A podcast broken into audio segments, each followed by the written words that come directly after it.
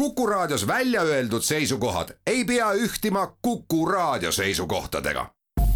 Te kuulate Kuku Raadiot.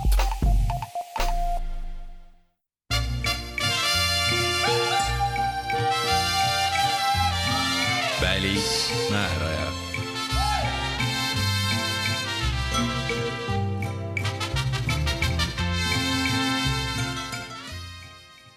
tere hommikust! lõppeva nädala rahvusvahelise elu kaarti vaadates on kindlasti üks kohe silma jääv punkt Glasgow ja seal kestev ÜRO kliimakonverents. tõludega on jõutud, helistamegi Glasgow'sse, et saada selgem pilt, aga helistame hetke pärast esmalt, sel nädalal toimus veel üks oluline areng USA-s ja seda tasub ka väljaspool Ameerikat täna märgata. nimelt novembri esimene teisipäev oli nagu tavapäraselt Ühendriikides valimispäev ja kuigi nii-öelda suuri valimisi ei toimunud, olulised vahevalimised, mil valitakse kongressi esindajate koja uus koosseis, on tuleval aastal ja presidendivalimised kahe tuhande kahekümne neljandal aastal valiti siiski mitmel pool olulisi ametiisikuid. kõige enam jälgiti Virginia osariigi kuberneri valimisi ning osariik sai senise senise demokraadist juhi asemel vabariiklase. demokraadid kaotasid või suutsid napilt enda kätte jätta ka mitmed teised valimistel kaalul olnud ametikohad miks see kõik nii oluline on? hakkan pisut kaugemalt peale. kui äsja kaks korda New Yorgis olin ja endiste kolleegidega kohtusin ja kõik nad on veendunud demokraatide poolt hääletajad, nentisid nad, et partei on praegusel hetkel suundunud progressiivse tiiva mõju alla, kelle juhtimisel püütakse muuta USA rassisuhteid, teha riigis teisigi selgelt vasemale kalduvaid muudatusi Bernie Sandersi võtmes. ja see on murelikuks teinud partei demokraatide siis konservatiivsema tiiva, ennekõike valged keskklassi valijad äärelinnades, ametiühingute liikmed, töölised, kes leiavad, et partei ei tegele enam nende teemadega ja Covidi kriisi ajal ning laiemalt on igapäevased kohalikud teemad jäänud nagu näiteks rassismivastase võitluse loosungite ja muu taha. ja need valijad, paljud neist hääletasid muide ka Donald Trumpi poolt, samuti protestina Demokraatliku partei liigselt vasakule kaldumisele, kuid viimastel valimistel otsustasid nad siiski Joe Bideni poolt hääletada, kes lubas Trumpi ajastu erakordsele populismile lõpu teha. Need valijad on väga rahulolematud ja ei ole kindel, et nad tahavad seda progressiivset demokraatide poolt jutustatavat poliitikat praegu Ameerika elu keskmesse. ja nüüd on needsamad valijad siis, kes moodustavadki partei selgroo mitmeski mõttes taas kaldumas vabariiklaste poole, kes räägivad jälle vajadusest riigis kord majja saada. ning nagu Virginia kuberneri valimised näitasid, seal valiti valge mees kuberner ja mustanahaline naine, ta number kaheks, ei ole küsimus rassismis sugugi mitte, nagu demokraatide progressiivne leer väidab, vaid selles, et rassismi teema ja muud vaidlused on viidud liigsesse äärmusesse ja siis mõõdukas demokraat, selline moderaatne valija, lihtsalt ei ole sellega nõus. näiteks juttudega, et valged on kõiges süüdi ja nende nahavärv muudab nad juba rassistideks, neid jutte kõlab Ühendriikides praegu väga palju. see on aga tekitanud suure mure, et demokraadid on väga suure probleemi ees, sel nädalal toimunud valimised võivad olla märgiks, et tuleval aastal vahevalimistel on taas võidukad vabariiklased ja nii ka järgmistel presidendivalimistel, sest Demokraatlik partei on liigselt kaldes mu tuttavad ajakirjanikud nentisidki ja neid ajakirjanikke ja vestlusi oli mul viis, et nad ei välista, et kui demokraatide juhitud Ameerika jätkab praegusel kursil, võib kas, no ei oska öelda, kas Donald Trump just otseselt, aga kui mitte tema, siis keegi tema taoline riigi etteotsa tulla kahe tuhande kahekümne neljandal aastal toimuvate presidendivalimiste järel miks see meile nii oluline on? kuna Ameerika jätkab praegu sisekaemusega, siis poliitiline aktiivsus mujal maailmas võib veelgi langeda kui tegemist ei ole just näiteks Hiina teemadega, mis on Ameerika jaoks väga tähtsad. Afganistani operatsiooni järsk ja kiire lõpp näitas paljudele, et USA praegune juhtkond leiab, et globaalne politseinikuks olemine rahvast seal enam ei kõneta selline pikk sissejuhatus siis, mina olen Neeme Raud, saatejuht, ja nüüd arendame selle pika sissejuhatuse mõtteid edasi tänase esimese stuudiokülalise, Kaitseuuringute Keskuse juhi Indrek Kannikuga, tere hommikust! tere hommikust! otsene küsimus, kuidas välisvaatlejatele tundub, kas Ameerika on pöördumas üha enam sissepoole ja, ja muu maailmaga no lihtsalt ei ole praegu ameeriklastel tuju tegeleda? No Ameerika on kindlasti pöördunud palju rohkem sissepoole, kui ta oli üheksakümnendatel eelmisel sajandil või kahe tuhandetel sellel sajandil. aga kas nüüd viimase paari-kolme aastaga siin täiendavat nihet on toimunud, selles suhtes ma küll kindel ei oleks, et ma arvan, et selline Trumpi rõhutatult sissepoole pöördumisele anti, andsid valijad ka oma, oma, oma selge hinnangu ja, ja mis tõi kaasa nüüd demokraatide kehva valimistulemuse möödunud teisipäeval, need olid ikkagi eelkõige sisepoliitilised küsimused, vasaktiiva nimelt progressiivse tiiva, mina nimetaks isegi kohati vasakäärmusliku tiiva jõud Demokraatliku partei sees on muutunud väga tugevaks ja nad on domineerivad. Ja noh, teiseks siis ka see, et Bideni administratsioon on olnud teatud määral saamatu, et ja mis tuleb ka osaliselt sellest samast parteisisestest vastuoludest, see on käinud nüüd juba neli-viis-kuus kuud, ühelt poolt nõuavad progressiivsed mingit oma osa ja teiselt poolt demokraatide konservatiivsema tiiva esindajad, noh nagu näiteks Lääne-Virginia senaator, kellel pole mingit lootust, kui ta progressiivsetele vastu tuleb tagasi valituks osutuda, eh, ei ole sellega nõus ja nii ei tule lihtsalt hääli kokku, kui sa ühelt tiivalt kukub kogu aeg midagi ära. miks Ameerikas räägitakse sissepoole vaatamisest, on see, et Trumpi ajastul paljud välismaalt äratulemised ja Ameerika sissepoole vaatamised, tegelikult see ei ole muutunud praegu Bideni ajastul. väliselt küll jah, rõhutati, et oleme Euroopas tagasi, oleme maailmas tagasi, kuid äh, mitte täielikult. no ma arvan, et USA peab valima oma, oma nii-öelda lahinguväljasid et USA on võimas ja suur, aga ta ei ole nii võimas ja suur, et kahekümnes kohas maailmas erineval ajal sõjaliselt tõsiselt panustada. Ja noh, praegusel hetkel mulle tundub, et noh, see esmane panustamise koht on selgelt äh, Hiina suund, Hiinat nähakse globaalselt kõige suurema konkurendina, ja teine, mille puhul siiski ma arvan, nad ei kavatse ka nagu välja astuda, on ikkagi Euroopa. et need on need kaks kohta, kuhu suunal Ameerika panustab, Lähis-Ida praegusel hetkel noh, kas või tulenevalt sellest, et nafta ja tähtsus Ameerika jaoks on oluliselt vähenenud võrreldes sellega, mis ta oli kümnendeid tagasi, on jäänud vähem tähtsaks. ja väljatulekud on ju eelkõige olnud kõik laiemast Lähis-Idast või, või ütleme sellest, sellest regioonist. no sel nädalal oli president äh, Joe Biden Euroopas, kus püüdis siiski rõhutada, et USA on tagasi aktiivselt Euroopa asjadega tegelemas, kuid siiski oli skeptilisust. ja no skeptilisust on, eelkõige tuleb see Prantsusmaa suunalt, prantslastel on see valus küsimus selle ookassega, et, et kuidas nemad oma, oma pakkumisest ilma jäid, oli algselt siis leping Austraalia ja Prantsusmaa vahel teatud Prantsuse tehnoloogia tarnimiseks Austraalia tuumaallveelaevade ja millest siis austraallased välja astusid, kuna nad said kokkuvõttes, ma arvan, majanduslikult, aga eelkõige sõjaliselt võimekuselt parema kokkuleppe ameeriklastega. aga siiski on suudetud see suurem tüli praegusel hetkel Prantsusmaa ja USA vahel ka maha saada, et see väga närviline periood, mis siin kuu-poolteist tagasi oli, on praeguseks suudetud viia siiski enam-vähem sellise normaalse normaalsema diplomaatilise suhtlemise tasandile. Biden ja Macron surusid kätt ja naeratasid isegi. naeratasid, just. aga noh, ma arvan, et USA tõsiseltvõetavuse küsimus Euroopa jaoks on ikkagi paljuski sõltub ka sellest, et kas Biden saab sisepoliitiliselt olukorra kontrolli alla, kui ta seda ei saa, siis see mõjutab ka tema välispoliitilist võimekust, see on nagu üsna selge, sama asi on tegelikult Macronil endal oma kodumaal. et ta sisepoliitiline olukorra kontroll on üsna piiripealne, kui palju ta seda olukorda kontrollib, kas ta osutub tagasivalituks ja see on teda sundinud rohkem välispoliitikas tegelema, nagu Prantsusmaa presidendiga on tihti juhtunud, aga noh, nõrk olukord sisepoliitikas ei tugevda sind ka välispoliitiliselt kunagi. no see toobki selle pika sissejuhatuse juurde, et kuna ameeriklased leiavad, et riigis endas on praegu korralagedus valitsemas, et tuleb tegeleda enda probleemidega, siis välisteemad, mis on Ameerika jaoks traditsiooniliselt olnud tähtsad, ongi administratsiooni jaoks kaldumas mõneti teisele plaanile jah, seda küll, ma arvan, et lõppkokkuvõttes on praktiliselt iga demokraatliku riigi eh, valitsuse jaoks esmatähtis mõelda sellele, kuidas oleks võimalik saavutada oma tagasivalimine, et see on nagu väga-väga-väga põhiline asi, juhul kui riik ei ole otseselt sõja, sõjakünnisel, nii et siis võivad teised asjad muutuda esmase tähtsusega asjaks. aga ma, ma siiski nagu jälle sellist nagu suurt eemaldumissoovi rahvusvahelises poliitikas ka ei näe, aga jah, valitakse kohti rohkem. Biden kohtus ka Kaja Kallase, meie peaministriga, kuid sellest pikemat ülevaadet ma ei lugenudki, millest nad rääkisid, on mingit infot tulnud teile? no ma arvan, et seal oli kindlasti juttu, nii palju nagu ka mina pressiteatest olen näinud, et ähm, julgeolekuolukorrast Euroopas oli see põhiline teema ikkagi seal.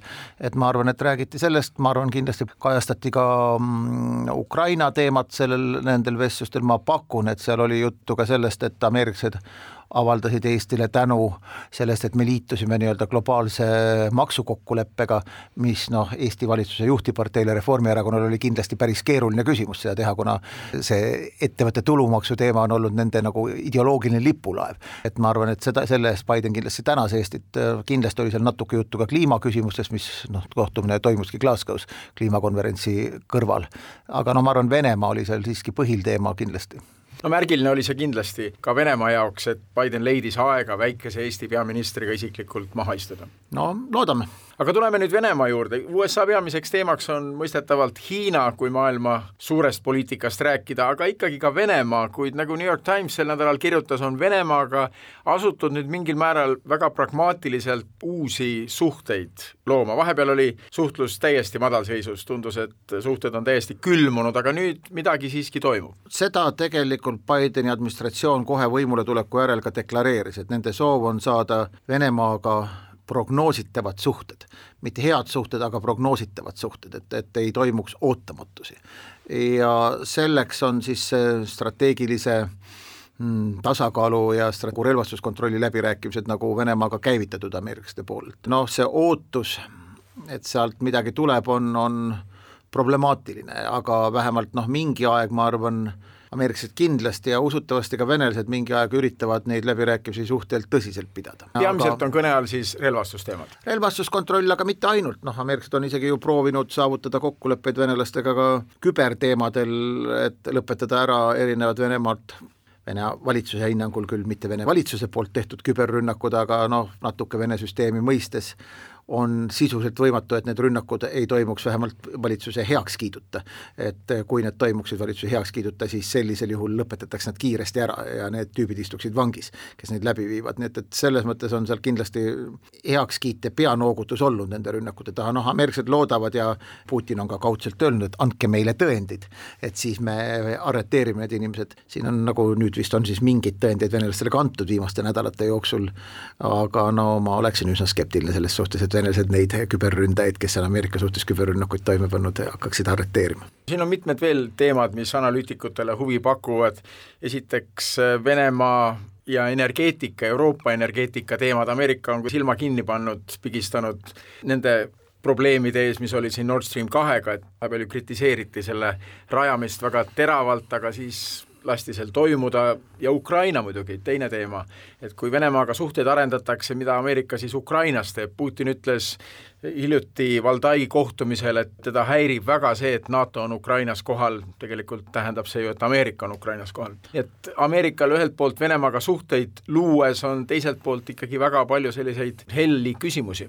no ma usun, et vähemalt ameeriklased on endale üsna selgelt teadvustanud, et um teemad nagu Ukraina ei, ei kuulu sellesse kohta, kus reaalset edasiminekut venelastega loodetakse, et seal jäädakse vastasteks edasi. kas on võimalik saada mingeid kokkuleppeid äh, relvastuskontrolli teemal, kas on võimalik saavutada mingeid kokkuleppeid Iraani teemal, see on nagu omaette küsimus, et võib-olla on, võib-olla mitte. aga kui vaadata meie vaatevinklist, siis noh, ega, ega meile nüüd ka see kasulik ei ole, kui on ülijõhker vastasseis eh, kahe suurriigi vahel, et sellega seonduvad riskid on, on, on paratamatult suured. teatud mõttes pingelõdvendus on, on kasulikum ja vähendab pingeid ka, ka siinses, siinses regioonis kokkuvõttes. ma usun, et eh, üks põhjus, miks ikkagi venelased eh, kevadel Ukraina osas jätsid suuremad sammud ette võtmata ja, ja täiendava sõjalise eskalatsiooni ette võtmata, oli ikkagi just selles, et nad nägid, et kui nad selle ära teevad, siis nagu mingigi lootus ameeriklastega laua taha istuda kaob ära väga pikaks ajaks. sisuliselt võib öelda, et selle presidendi ametiaja lõpuni vähemalt, kui mitte kauem ja seetõttu nad, ma usun, et lähiaegadel on ikkagi vägagi ettevaatlikud agressiivsete sammude ettevõtmisel äh, siinsamas meie regioonis. aga Nord Stream kaks? Nord Stream kaks oli vähemalt ameeriklaste ametlike põhjenduste järgi järeleandmine liitlasele ehk Saksamaale, et eh, taheti saada Euroopa liitlastega suhted võimalikult korda. vaatame nüüd ka NATO-t, NATO-s on tulnud päevakorda Hiina teema. Hiina on kuidagi väga-väga kaugel Põhja-Atlandi ruumist, mille kaitsmiseks NATO loodi. Ameerika on Hiina ka sinna toonud Hiina on sõjalises, puhtalt sõjalises mõttes Euroopa ruumis kaugel, aga paljudes muudes valdkondades tehnoloogia mõjutustegevus ei ole ta enam sugugi kaugel, Hiina mõju on täiesti olemas paljudes Euroopa riikides ja, ja, ja selle mõju vastu tegutsemine ja selle mõju piiramine on kindlasti, ma arvan, NATO riikide ja Euroopa Liidu riikide nagu ühtne ülesanne tulevikus, et ega Hiina ei peatu, kui teda ei pidurdata. et selles mõttes nagu tuleb enda süsteemi, oma, oma ühiskonnad panna valmis selleks, et, et suuta Hiina mõju tugevdamisega võidelda. me ei taha kindlasti ühiskonda, mis on Hiina-sarnane ühiskond siin Euroopas. ja kui me tahame oma demokraatiat, oma vabadust kaitsta, siis me peame Hiina mõju blokeerima, kuna Hiina ei lepi kindlasti sellega, et ainult majandussuhete, ta tahab kindlasti omada suuremat mõju ka poliitikas. mida see tähendab meie jaoks, et NATO tegeleb nüüd ka Hiinaga? Ma arvan, et NATO tegelemine Hiinaga on ikkagi eh, pigem ka just sellisel poliitilisel tasandil, et eh, noh, kuna sõjalist konflikti valdav enamuse NATO riikide ja Hiina vahel nagu tõepoolest tänasel hetkel kusagilt paistmas ei ole, võib-olla ainsad erandid ongi siin Ameerika Ühendriigid ja Kanada, kes on Hiina nii-öelda üle ookeani naabrid. aga Euroopa riikidele nagu sõjalist ohtu tänasel päeval Hiina ei kujuta. aga on selge, et kui me tahame, et NATO püsiks maailma tugevama sõjalise jõuna, siis äh, me peame nagu olema vähemalt solidaarsed ja jõudumööda ka aitama oma, oma kõige olulisemat liitlast, Ameerika Ühendriike, tema, äh, tema võitluses Hiinaga ja see on ka meie võitlus, see ei ole ainult Ameerika võitlus. see on äh, elulaadide ja ühiskonnakorralduste vaheline võitlus mõnes mõttes rahvusvahelise Kaitseuuringute Keskuse juhataja Indrek Kannik, aitäh selle sissevaate eest USA, Euroopa, NATO poliitikasse, head päeva! aitäh!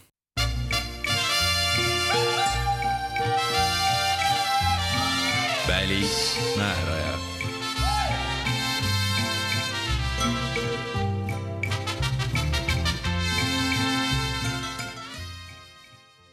ja nüüd on mul telefoniühendus Glasgow'ga.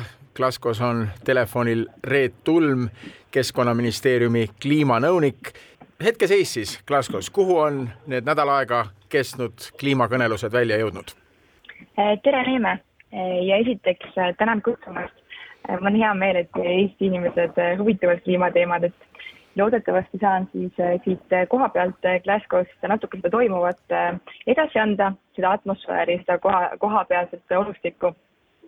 et see on selline erakordne, erakordne olustik siin. et veidi taustaks ka, et tegemist tõesti on siis üleilmsete kliimaläbirääkimistega, mis üldiselt toimuvad igal aastal aga möödunud aastal koroona olustiku tõttu siis kopp jäi vahele. mida see kopp äh, lahti seletatult tähendab? see tähendab äh, Convention of äh, Parties ehk siis konventsiooni osapoolte kohtumine. me räägime siin kliimakonventsioonist ja, ja ka tegelikult selle kopi, Glasgow kopi ettevalmistusi varjutas suur ebakindlus, et siin kuni veel paar kuud tagasi ei olnud üldse teada, kas see kopp toimub et seda enam on täiesti erakordne, et me täna siin kokku oleme saanud nii suures seltskonnas koha peal siin delegaadid jälgivad äh, väga ranglaid koroonareegleid, ma ise samamoodi. hommikuti tuleb siis teha testid ja need testid tuleb raporteerida äh, siin valitsusele, et on olemas selline eraldi äh, platvorm ja äpid selleks. ennem siia alale üldse sisse ei saagi, kui testid ei ole tehtud ja koha peal ka ruumide osas, et on, on konkreetsed reeglid, iga kord, kui sessioonid lõpevad, siis desinfitseeritakse need ruumid tuleb hoida ka siis nii-öelda seda tükivahet või, või distantsi teistega. Äh, seda kõike on siin natuke varjutanud ka need suured ambitsioonid, mis on äh, läbirääkimistele siis äh, kaasa antud.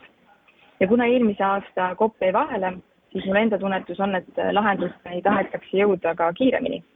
riigid on hästi pühendunud, läbirääkijad teevad pikki töötunde, võib öelda mõnikord ka isegi öötunde et kopp äh, kestab äh, kokku siis kaks nädalat, kogu seda kopi äh, läbirääkimiste selleks suunise andsid riigijuhid, kes siis esmaspäeval, teisipäeval siin kohapeal olid ja, ja kõnet tegid.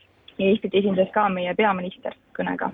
ja riigijuhid, nemad siis seadsidki sellise fooni ja õhustiku, andsid läbirääkijatele suunised, et mida siis tuleb kindlasti silmas pidada ja mis on riikide prioriteedid esimene nädal on äh, olnud niisugune mõnevõrra tehnilisem ja teisel nädalal äh, tuleb kindlasti rohkem selliseid kokkuleppeid ja suuniseid. teisel nädalal siis tulevad kohale ministrid, kes võtavad läbirääkijatelt tööjärje üle, aga ütleme, et suured otsused ja sellised probleemkohad, et need lähevad lauale ministritele.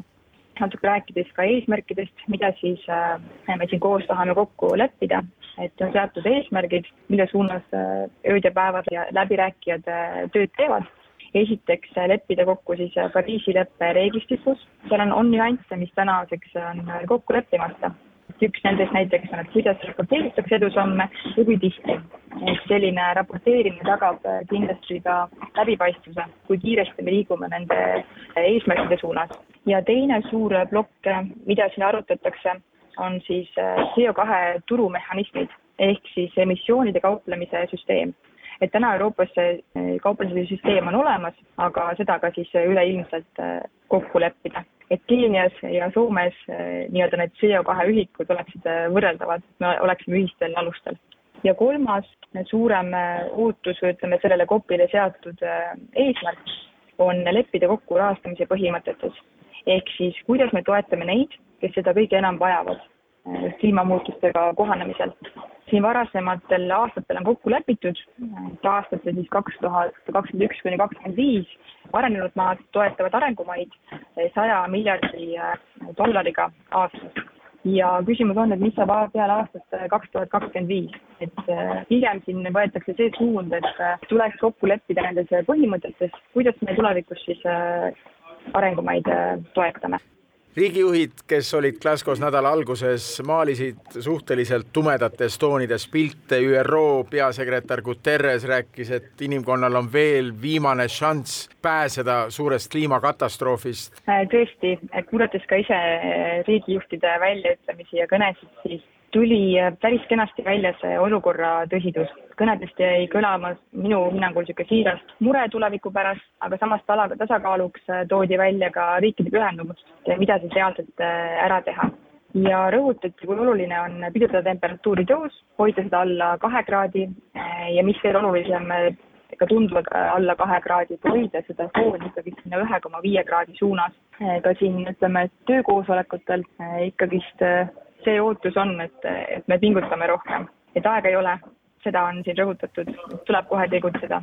mida kauem me ootame, siis seda suuremad äh, on ka kulud, mida me kliimamuutuste pärast tulevikus või meie järeltulevad põlved peavad siis kandma kui USA eelmine administratsioon, Trumpi administratsioon oli selgelt kliimateemaliste suurte rahvusvaheliste arutelude vastu, Pariisi leppest astuti lausa välja, siis nüüdne administratsioon väidab, et Ameerika on väga aktiivselt neis aruteludes osalemas. kes maailmas praegu veel teist jalga sammuvad või on juba saavutatud selline üksmeel, et, et kõik riigid tegelevad sellega heas usus? Kui rääkida nüüd eh, kliimaskeptikutest, siis eh, minu arust päris hästi võtab selle teema kokku eh, IPCC aruanne, et IPCC on siis selline teaduslik organisatsioon, nemad on siis valitsustevaheline ÜRO all toimiv teadlaste kogu ja nemad annavadki ülevaate, et kui kaugel me oleme nendest eesmärkidest, et kuhu me oleme liikumas. ja seal siis aruandes öeldi kenasti välja, et kliimamuutus täna on teaduslik fakt, kas seda on või ei ole, et, et selle üle ei tasu tegelikult enam diskuteerida, et see on teaduslikult tõestatud fakt. ma segan vahele, Covid on ka teaduslikult tõestatud fakt, aga me näeme ise, mis toimub selle pandeemiaga, kui me räägime veelgi suurematest asjadest nagu kliimamuutused, me saame aru, et teadus on midagi tõestanud, aga on palju neid, kes ütlevad, et see ei ole nii.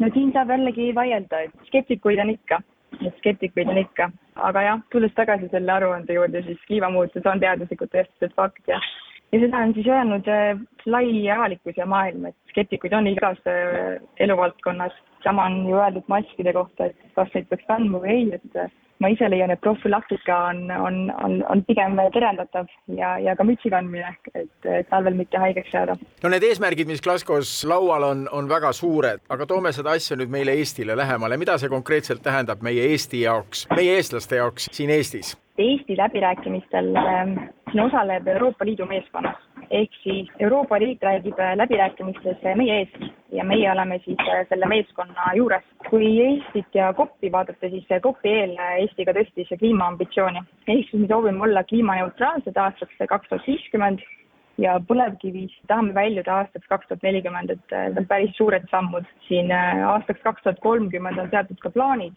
et nelikümmend kaks protsenti energiast peaks tulema tuuleparkidest. ja mis siis Eesti, kuidas me siin panustame, et, et muidugi me kutsume üles ka teisi riike üles tõstma ambitsiooni ja saama kliimaneutraalseks kui me räägime nüüd konkreetselt eestlaste enda elujärjest, mis see meie elus, tavakodaniku elus võib muuta, kui nüüd riigid suudavad kokkuleppeid saavutada Glasgow's? See on oluline, et, et riigid kokkuleppeid saavutavad Glasgow's ja kui rääkida nüüd Euroopast ja rääkida Eestist, et mida see meie jaoks muudab, siis äh, tegelikult Euroopa Liit on juba võtnud selle suuna, et kui me räägime siin roheleppest, räägime siin erinevatest poliitikatest, siis äh, Pariisi lepe tegelikult on suuresti aluseks ka sellele Euroopa Liidu äh, roheleppele. et ma ütleks siis nii, et, et muutused tulevad nii või teisiti, et, et muutused tulevad nii või teisiti. ja läbirääkimised Glasgow's jätkuvad veel terve nädala Reet Ulm, Keskkonnaministeeriumi kliimanõunik. aitäh, et andsite ülevaate sellest, mis Glasgow's toimub meile siin pühapäeva hommikul raadios. edu teile ja loodame siin stuudios siis kohtuda, kui Glasgow see kahenädalane suur kliimamaraton läbi saab. aitäh, kena päeva.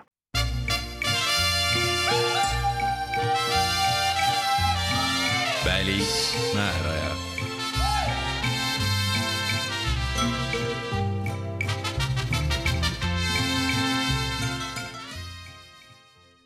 Jätkame saadet Berliinist, minu vastas istub Eesti suursaadik Alar Streimann ja teema on Saksamaa uue valitsuskoalitsiooni moodustamine. valimistest on möödunud juba mõnda aega, sotsiaaldemokraadid võitsid, nad kutsusid laua taha rohelised ja vabad demokraadid, aga kõik on takerdunud. no ma arvan, et see praeguses läbirääkimiste faasis on mõneti loomulik, et tegelikult sakslased on selles faasis, et esimesed läbirääkimise etapid on läbitud ja nüüd siis järgmiseks nädalaks, vähemalt teoorias on selline soov, järgmiseks nädalaks siis väiksemad läbirääkimisgrupid, mis teemade põhiselt omavahel kohtusid, arutasid, peavad siis nii-öelda pealäbirääkijatele, tähtsamatele otsustajatele siis oma ettepanekud üle andma ja seal siis alles hakatakse lahendama ilmselt neid noh, niisuguseid suuri põhimõttelisi probleeme või vastuolusid, mis on jäänud üles, et see on praegu see seis. ja detsembri alguseks, noh, või isegi loodetavasti novembri lõpuks tahetakse siis läbirääkimised ähm, lõpule viia, detsembri alguses siis nii-öelda uus valitsus parlamendis äh, ära hääletada. millise kursi siis Saksamaa võib võtta uue valitsuse juhtimisel? seda on väga raske öelda, sellepärast et noh, eks ju kõiki saatkondi siin Berliinis huvitab, et mis seal läbirääkimistel räägitakse, äh, aga kõik on ka ühel nõul, et sedapuhku on see kõik väga kiivalt hoitud väga väikeses ringis sealt infot välja suurt ei, ei imbu, võrreldes siis eelmiste valimistega, kus ikkagi noh, avalikkus pidevalt sai nii-öelda jälgida seda draamat, mis toimus koalitsioonikõnelustel, seekord seda praktiliselt ei ole isegi poliitikud, paljud poliitikud ise parteidest ütlevad, nad ei ole täpselt kursis sellega. ja, ja selles siis ka mõte, et peale siis koalitsioonikõneluste lõppu kõik kolm koalitsiooni osapoolt, noh, ma hästi ei usu, et see enam muutuks, siis see seltskond, kõik kolm osapoolt on lubanud, et nad esitavad siis need läbirääkimistulemused kas oma parteide suurkogudele või parteipäevadele, noh, see kõik veel vajab muidugi ka täpsustamist. see tähtaeg mõneti ka survestab kõiki läbirääkijaid, ja mis need probleemid seal on, noh, kindlasti on rahateemad, kindlasti on suur energia, kliimapööre, selles mõttes selleks on ka vaja raha leida. just siin rääkisin Saksamaa Tööstusliidu inimestega, kes ütlesid, et hinnanguliselt kusagil sada miljardit aastas täiendavalt peaks siis selleks leidma, selleks siis erasektor paneks kaks kolmandikku riigilt oodatakse ühte kolmandikku, umbes kolmkümmend miljardit aastas.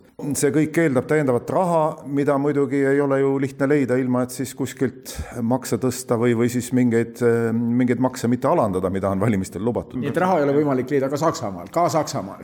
no ütleme nii, et ma olen üsna kindel, et need probleemid on lahendatavad, Saksamaa on ikkagi väga-väga-väga jõukas ühiskond ja rikas ühiskond, nii et äh, ma ei usu, et selle taha nüüd lõpuks midagi takerdub, aga kahtlemata tegemist on, on, on väga pöördunud pöördelise ajastuga ja, ja sakslaste plaanid on, on väga mastaapsed ja suured.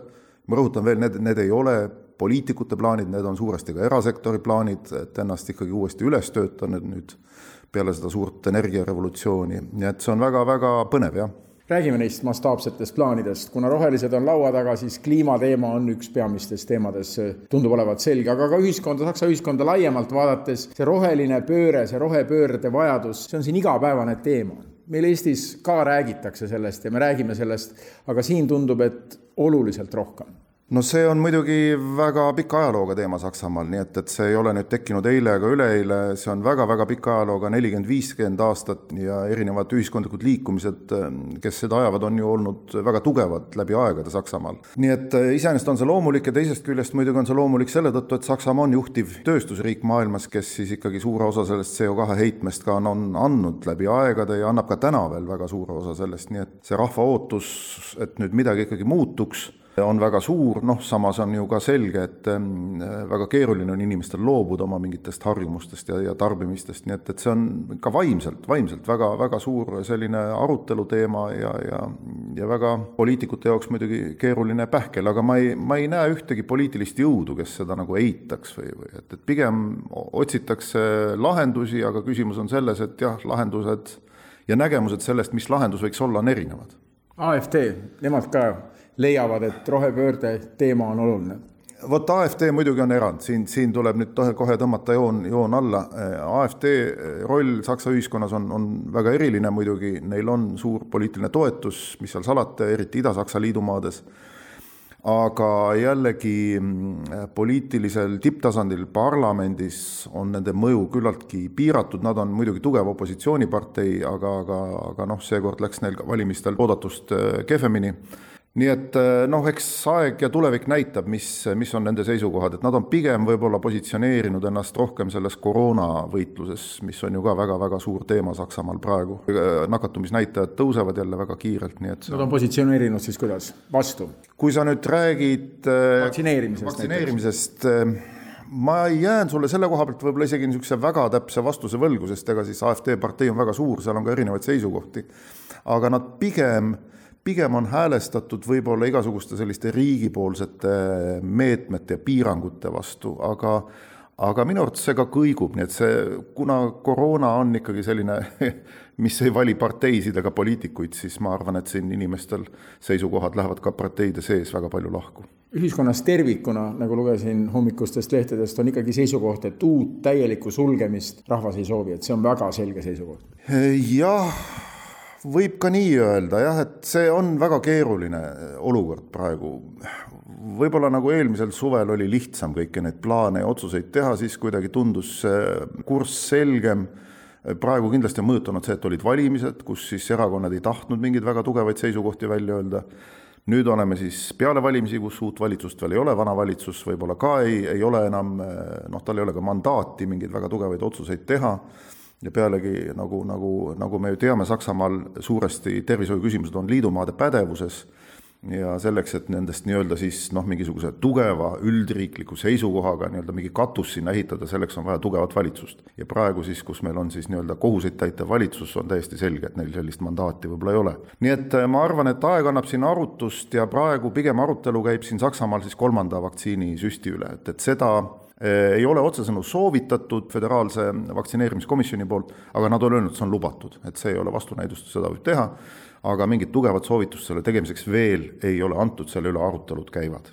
Arutelud käivad, aga arutelud on muutunud väga närvilisteks, sest numbrid tõesti tõusevad siin päev-päevalt dramaatiliselt see vastab tõele, kusjuures noh, tegemist on ka väga suurte regionaalsete erinevustega, et, et nüüd jällegi on see numbrite tõus väga kiire olnud Saksimaal ja Lõuna-Baieris ja see käibki kuidagi nagu periooditi, et mingid piirkonnad äkki hüppavad üles, kusjuures teised on täiesti all, isegi nullis võib-olla, ja siis läheb pool aastat mööda ja on täpselt vastupidi kõik. See teeb kõik väga erakordselt keeruliseks, aga muidugi Saksamaal on võetud selline seisukoht, et püütakse nagu ikkagi nüüd piirduda selliste piirkondlike meetmetega, et, et üle riigi mingit üldist sellist tohutut äh, abimeetmete paketti ei tehta Eh, piirkondlikud siis piirangud ja siis tulenevalt sellest, palju on haiglates siis intensiivravikohti hõivatud, et see on võib-olla põhiline indikaator praegu. aga tuleme tagasi rohepöörde juurde, sa ütlesid juba, et ka erasektor on innukalt osalemas neis aruteludes ja, ja plaanide tegemises, no mõtleme kohe siin Saksa autotööstusele näiteks, elektriautod, kõik suuremad autofirmad on ju toonud turule mitmeid uusi mudeleid ja kõik on elektriautod. no elektriautod muidugi Saksa suuremate linnade tänavatel on, on üsna tavalised juba mitu aastat ja noh, ega siis neid on mujalgi Euroopas. aga tõepoolest, kuna, kuna autotööstus on siin üks selline suuremaid riigi jõukuse allikaid ja, ja ka töökohtade hoidja, siis muidugi see muudatus on väga keeruline on selge see, et, et äh, elektriautodele üle minnes nii palju töökohti vaja ei ole autotööstuses, küsimus on, mis nendest inimestest saab, selle kohta ka tuleb iga päev mingisuguseid uudiseid, kuidas siis autofirmad äh, sellega tegelevad, iseenesest see elektriautode arv kasvab väga kiiresti, et ma arvan, et siin oli eelmine aasta oli läbimüük vist äh, hüppas kahekümnelt tuhandelt kahesajale tuhandele aastas, nii et need, need numbrid lähevad väga-väga kiiresti, see tehakse mõne aastaga ära kõik aga muidugi praegu on, on see takerdunud siis sellesse kuulsasse mikrokiibi probleemi. kiipe ei tule Aasiast peale jah, eelkõige Taiwanist siis, aga sakslased, mis on ju sakslaste puhul alati väga tore ja positiivne, on see, et nad haaravad kohe, hakkavad otsima ka probleemile lahendust ja juba on töös mitu mikrokiibitehast Saksamaal.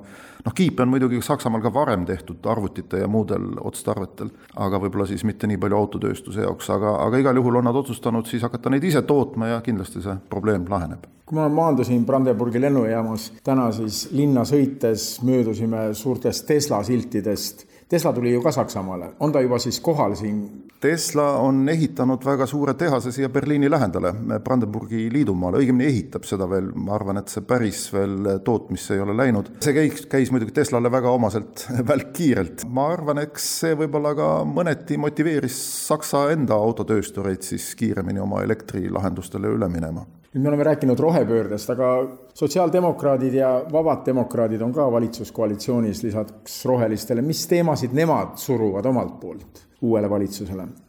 sotsiaaldemokraadid on ju selline väga vana pika ajalooga tüüpiline sotsiaaldemokraatlik partei, ega nende üks selline põhipostulaate, mida nad valimistel muidugi esitasid, oli siis miinimumpalga tõus. Ja ma arvan, et see nõudmine oli, kui täna on ligi kümme eurot tunnis on miinimumpalk Saksamaal, siis sotsiaaldemokraatide nõu oli kaksteist eurot tunnis ja, ja väidetavalt selles, sellega on ka teised kaks koalitsioonipartnerit nõus. FDP ehk liberaalid on muidugi igasuguste maksutõusude vastane partei ja, ja võib-olla nad on isegi mõnes mõttes selline klassikaline eh, liberaalse majanduse eh, doktriiniga eh, partei ja selle tõttu ka väga väikese toetajaskonnaga olnud üldiselt läbi aegade, et, et nende toetajaskond on ikka seal kümne-kolmeteist piiri peal kogu aeg olnud.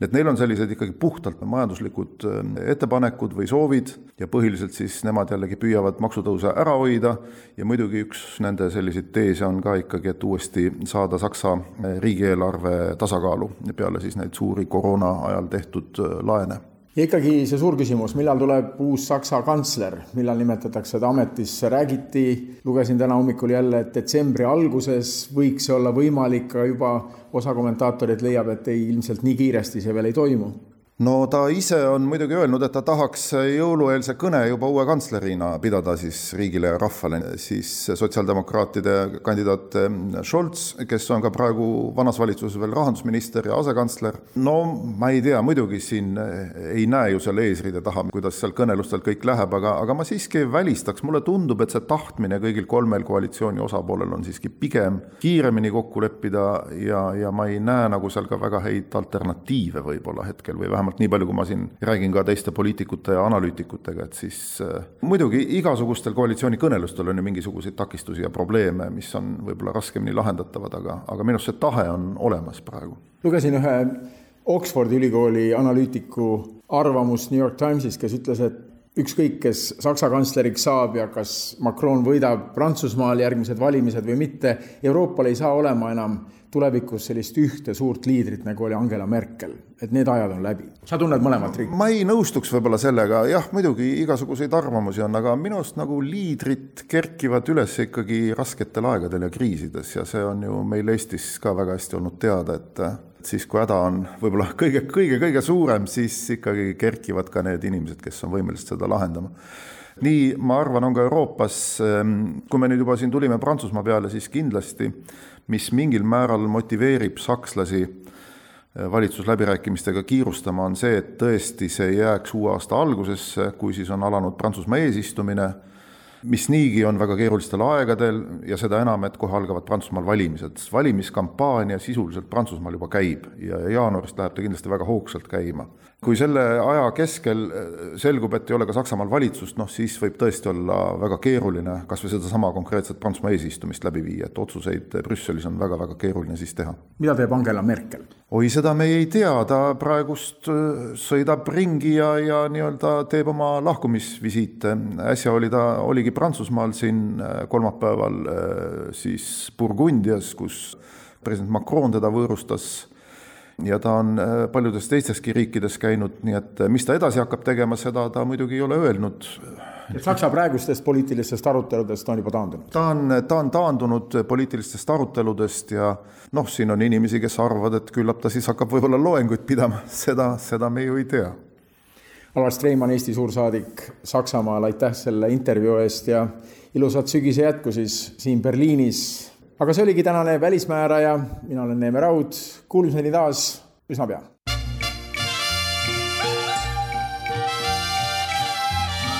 välismääraja.